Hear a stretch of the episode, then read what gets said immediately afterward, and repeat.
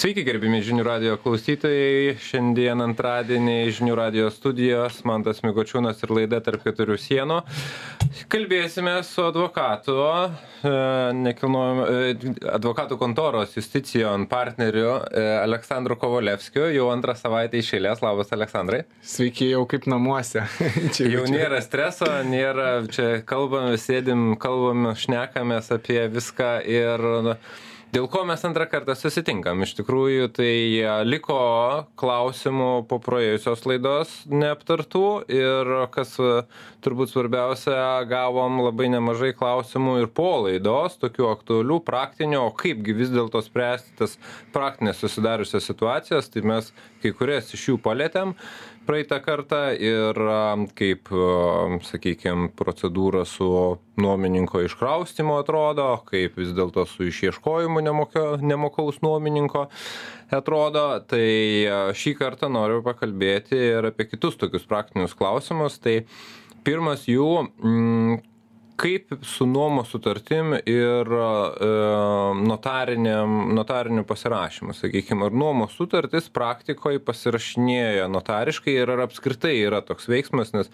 mano praktikoj per penkiolika metų neteko matyti kad nuomos sutartis būtų pasirašoma notariškai. E, nepasirašoma dažniausiai, nes notarinės formos reikalavimo nėra, užtenka paprastos rašytinės formos, tačiau tam tikrais atvejais galima patvirtinti notariškai. Ir jeigu tokia sutartis, nuomos sutartis patvirtinta notariškai, tai pagal ją yra paprasčiau po to išsiieškoti kažkokias piniginės lėšas, ne, kurių, pa, kurios gali atsirasti iš tos sutarties. Na tai pavyzdžiui, įprastai praktikoje patariama notariškai patvirtinti jau kažkokius didesnius sandorius ane di kažkokias dideles nuomos sutartis kur yra reikšmingi nuompinigiai ar kažkokie kiti susitarimai. Ir matant riziką kad galbūt kažkada e, viena ar kita šalis e, savo įsipareigojimų tinkamai nevykdys. Tai tokiu atveju galima pasitvirtinti nuomos sutartį. Paprasčiau yra su išieškojimo procesu tai reiškia kad e, galima jeigu kažkuri šalis nevykdo savo prievolės kalbama kalba kalbame apie finansines prievoles.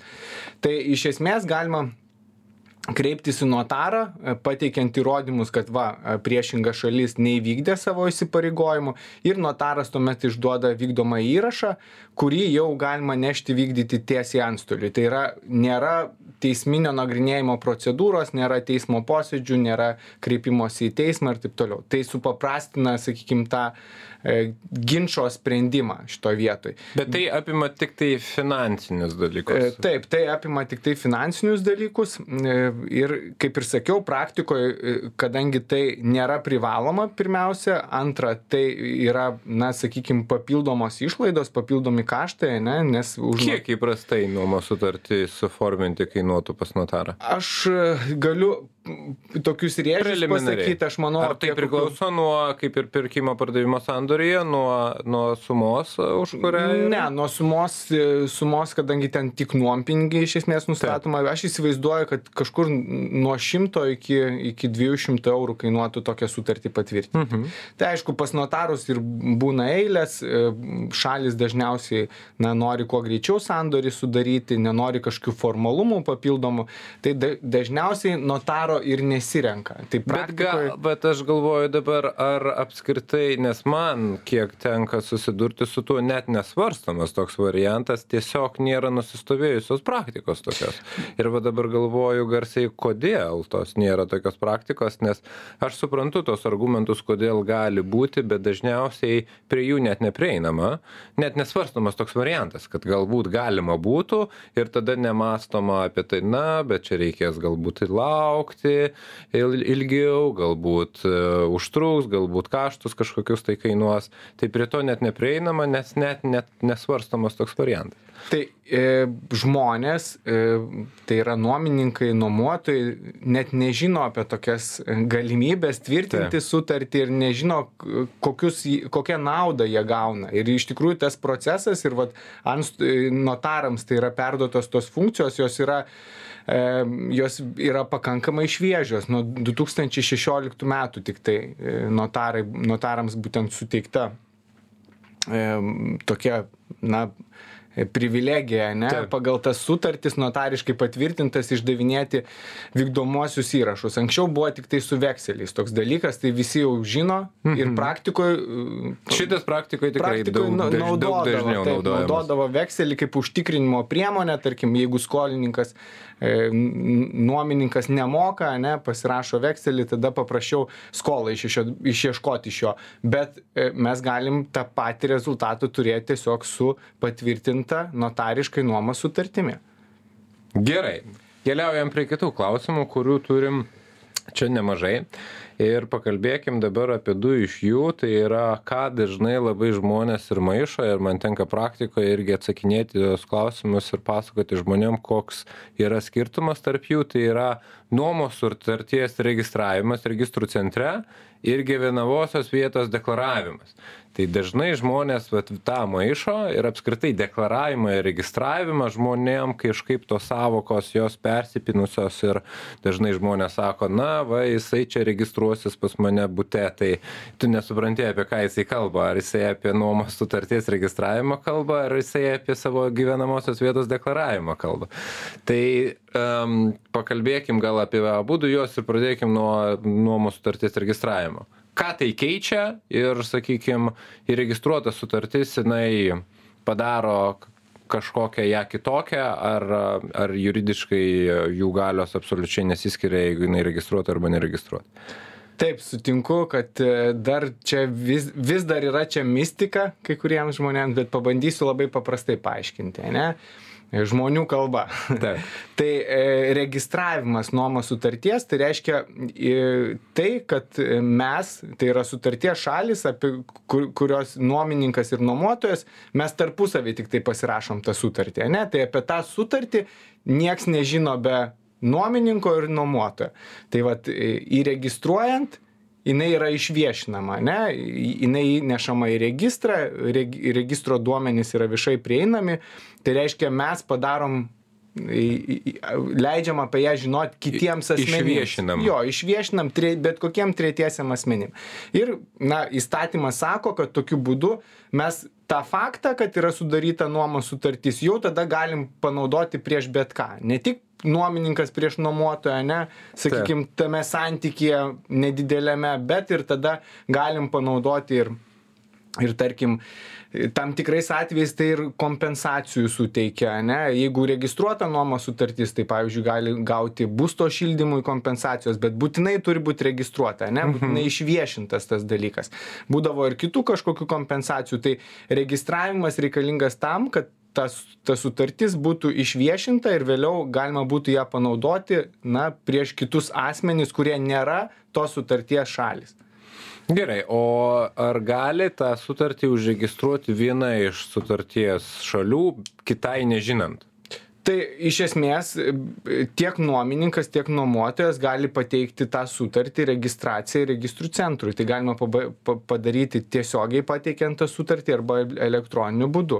Išregistruoti taip pat gali arba viena arba kita šalis, tai reikia pateikti tada sutarties nutraukimo faktą patvirtinančius dokumentus, kad sutartis nutraukta ar, ar yra. O jeigu pateikta- pasibaigia? Jeigu pasibaigia, taip pat reikia informuoti, kad sutarties terminas yra pasibaigęs ir sutartis nepratesta. Ir tuomet registrų centras. e, Automatiškai jie, kai registruoja, nepažiūri, ko, iki Ne, kada nepaži- galioja sutartis ir, ir nepažiūri. neužsideda Tu turi tiek- priminimo. tiek įregistruoti, tiek išregistruoti po to. Bet, bet yra buvę ginčių dėl išregistravimo dažniausiai būna ginčių. Tai ir būna ginčių tuomet, kai vienašališkai yra nutraukiama sutartis, kita šalis nesutinka su nutraukimu ir tada kyla dar ir registrų centre tas pats ginčas tęsiasi. Mhm. Išregistruoti ar neišregistruoti. Išregistruoti ar ar neišregistruoti. negaliojanti ar negaliojant. Jo, tai vad žiūri, registrų centras žiūri, ar buvo laikomasi procedūros nutraukimo pačioj sutarty, ar buvo tinkamai informuotas, ar, ar buvo išsiusti pranešimai, jeigu viskas tvarkoja, na, tai yra pagrindas išregistruoti tokią žymą. Gerai, bet pati registracijos procedūra, tarkim, aš esu turto savininkas, išnuomavau turtą, pasirašiau nuomos sutartį ir mes jos neregistravom, bet mano nuomininkas ją gali nusinešti ir be mano žinios užregistruoti ir aš apie tai net gal, nesužinau. E, tai, e, tai iš esmės nuomininkas taip gali pateikti tą sutartį registracijai. Ir, Bet man kas nors praneš apie tai, aš galbūt ga- gal, galiu galvoti, kad jinai neregistruota, bet pasirodo, kad jau seniausiai galbūt e, tai mato, matoma registrų centre. Taip, tai, bet man tai, pastoviai reikia tikrinti tada, ar jisai ją registravo, aš manau, neregistravo. kad, aš manau, kad Čia pranešimo... aišku, aš tokius hipotetinius bet pra- scenarijus, bet man va įdomu. pranešimo kažkokio atskiro negaunama, nes tas, e, ta sutartis, jinai priskiriama prie tam tikro turto, ne prie asmens, kaip prie savininko Mhm. kažkokio, bet prie konkretaus objekto, ne? Tai vad Žodžiu, objekte... tam, bet tam, kad ją įregistruoti, mano kaip turto savininko kažkokio sutikimo Ne. nereikia. Ne, nereikia. Čia vat jau yra skirtumas nuo, nuo deklaravimo, kur sutikimas yra reikalingas, ne? Mhm. Tai va ir pereikim prie Taip, tai vat- deklaravimo. Tai va prie deklaravimo, jeigu kalbam apie gyvenamosios vietos deklaravimą, tai, na tai yra žinoma, kad kiekvienas asmuo turi deklaruoti savo gyvenamąją vietą. Ne? Tai galima deklaruoti ir gyve, gyvenamąją vietą nuomojamam būte ar kažkokiam objekte gyvenamajam. Bet tokiu atveju reikia gauti savininko sutikimą. Tu negali be savininko sutikimo deklaruoti nuomojamam būte savo gyvenamąją vietą. Lygiai taip pat, e, jeigu savininkas nori išdeklaruoti asmenys, jis gali bet kada savo sprendimu vienašališkai tokį sutikimą atšaukti ir tada deklaracija jau ta dinksta. Tai, va. tai deklaracija, kas yra svarbu, kad gyvenamosios vietos deklaravimas nesukuria nuomininkui kažkokių papildomų teisių. Ne? Be to, kad tai yra tiesiog kaip na, oficialus adresas gyvenamosios vietos, kur korespondencijai dažniausiai skiriamas ir taip toliau, kur asmuo identifikuoja, kad jis gyvena nuolat. Tai nesukuria kažkokių, dažniausiai savininkai įsigasta, kad kažkokios atsiranda papildomas teisės nuomininkoje, ne, kad jis gali pretenduoti į būtą. Taip, čia labai dažnai. Jo, tai, tai tokių dalykų tikrai, tikrai nebūna ir, ir kaip tu gali labai greitai uždeklaruoti ir labai greitai išdeklaruoti. Tai, va, tai viskas priklauso nuo savininko iš esmės valios. Čia aš kaip sakau savo klientam, dažnai jūs galite kas antrą dieną vienas deklaruoti, kitas išdeklaruoti ir taip ir žaisti. Tai tas va, teisingas labai turbūt a, mm, akcentas, kad galima tą labai paprastai ir nesunkiai ir a, elektroniniu būtų bent jau Vilniaus mieste tas labai nesunkiai vyksta.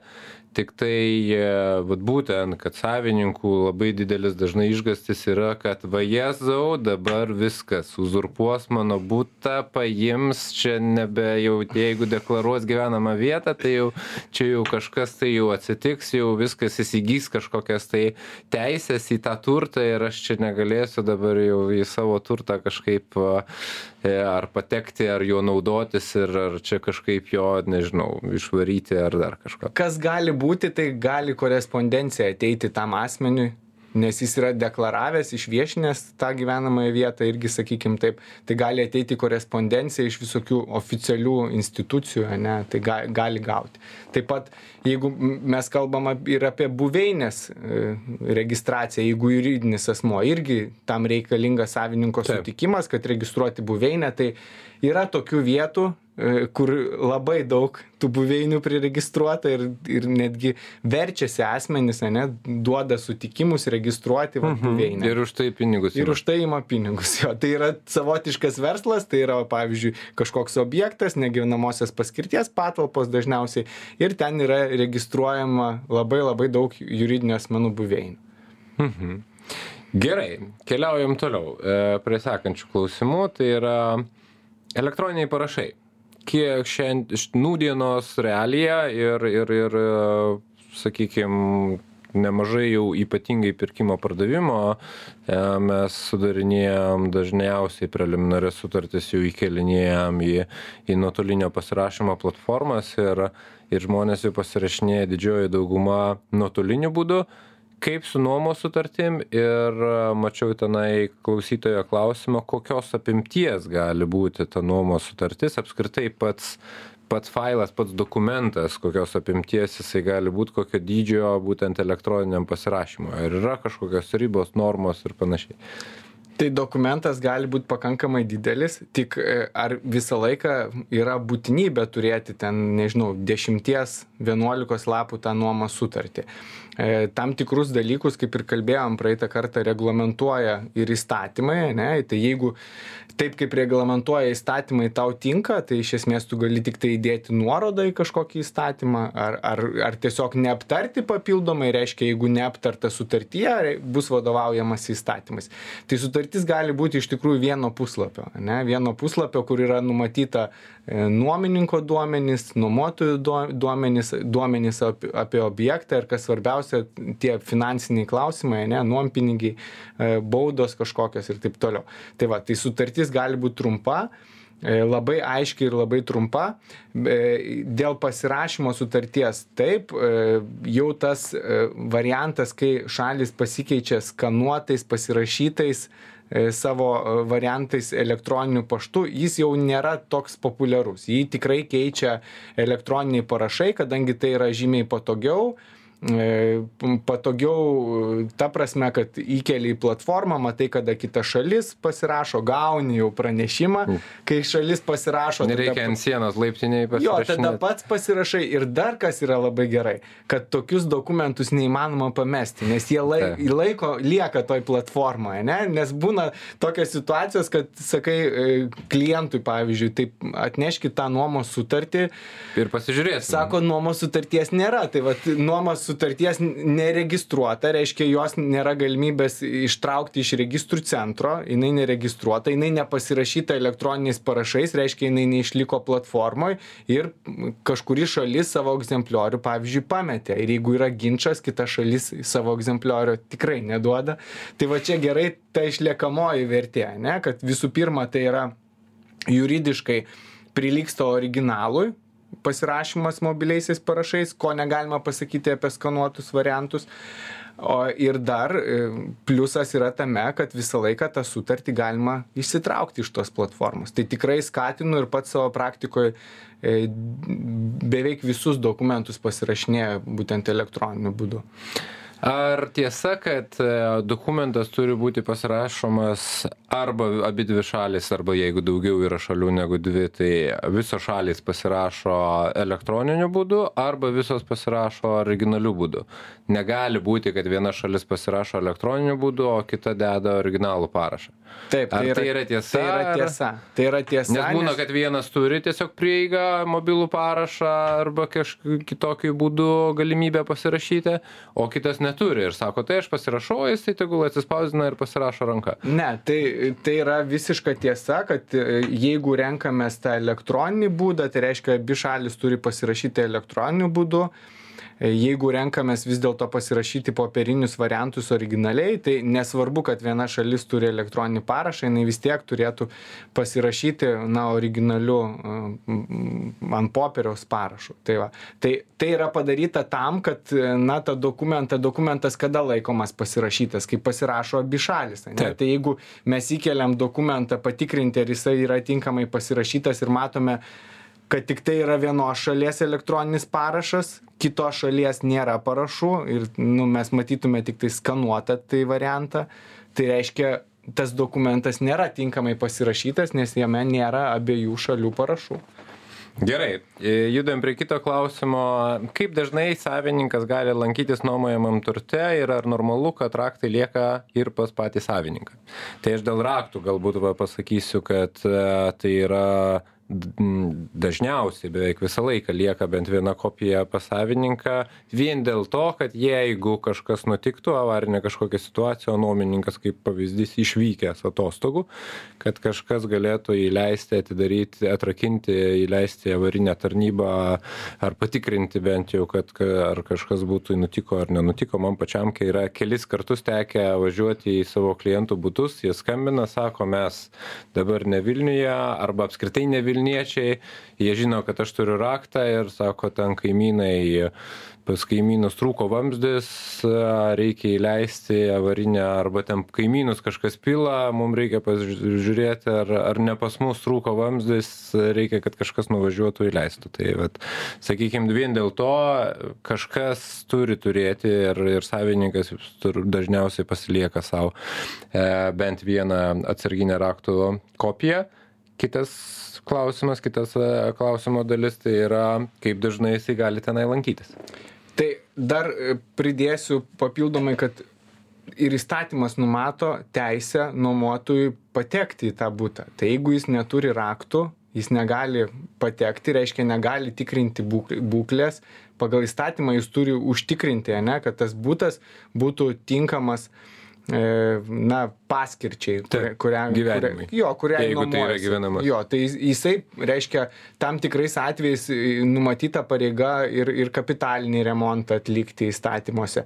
Tai e, savininkas, na, turi turėti būdą kažkokį patekti ir vykdyti na, savo pareigas pagal, pagal įstatymus.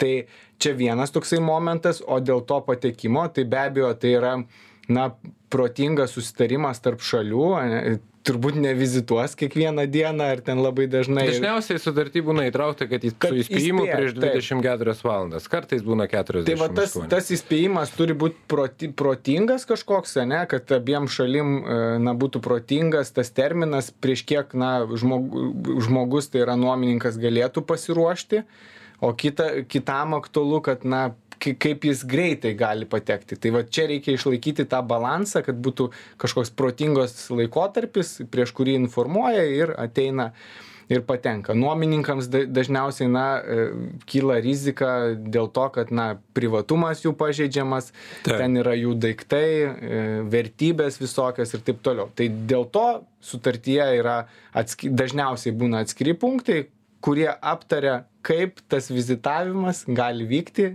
prieš kiek ir kokiu būdu turi įspėti, tai dėl to patartina vat, kartais tokius momentus detaliau aptarti, ne? Jeigu, jeigu tu nori na, būti užtikrintas, kad nebus pažeistas tavo privatumas ar, ar sakykime, kitos vertybės, kad liktų apsaugotos.